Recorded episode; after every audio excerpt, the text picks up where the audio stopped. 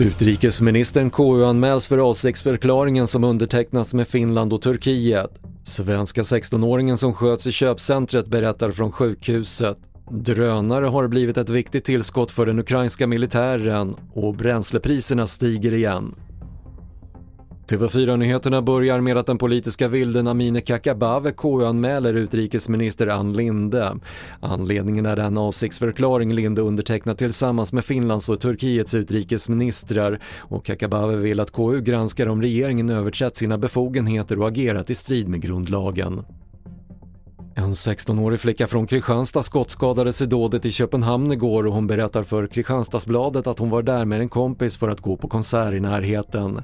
Flickan är en av de fyra som vårdas och enligt sjukvården har ingen av dem livshotande skador.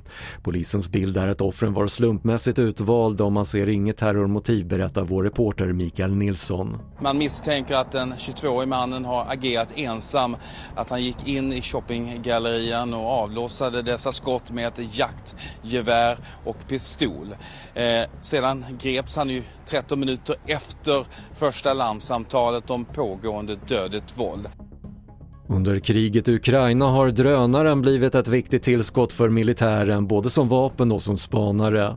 TV4-nyheterna har träffat en ukrainsk pilot som med sin drönare har dokumenterat saker han sett ryska soldater göra. I seen pure evil, which I never seen in my life um, like killing people, civilians people, without reason, and uh, raping women and children and um, taking whatever they want.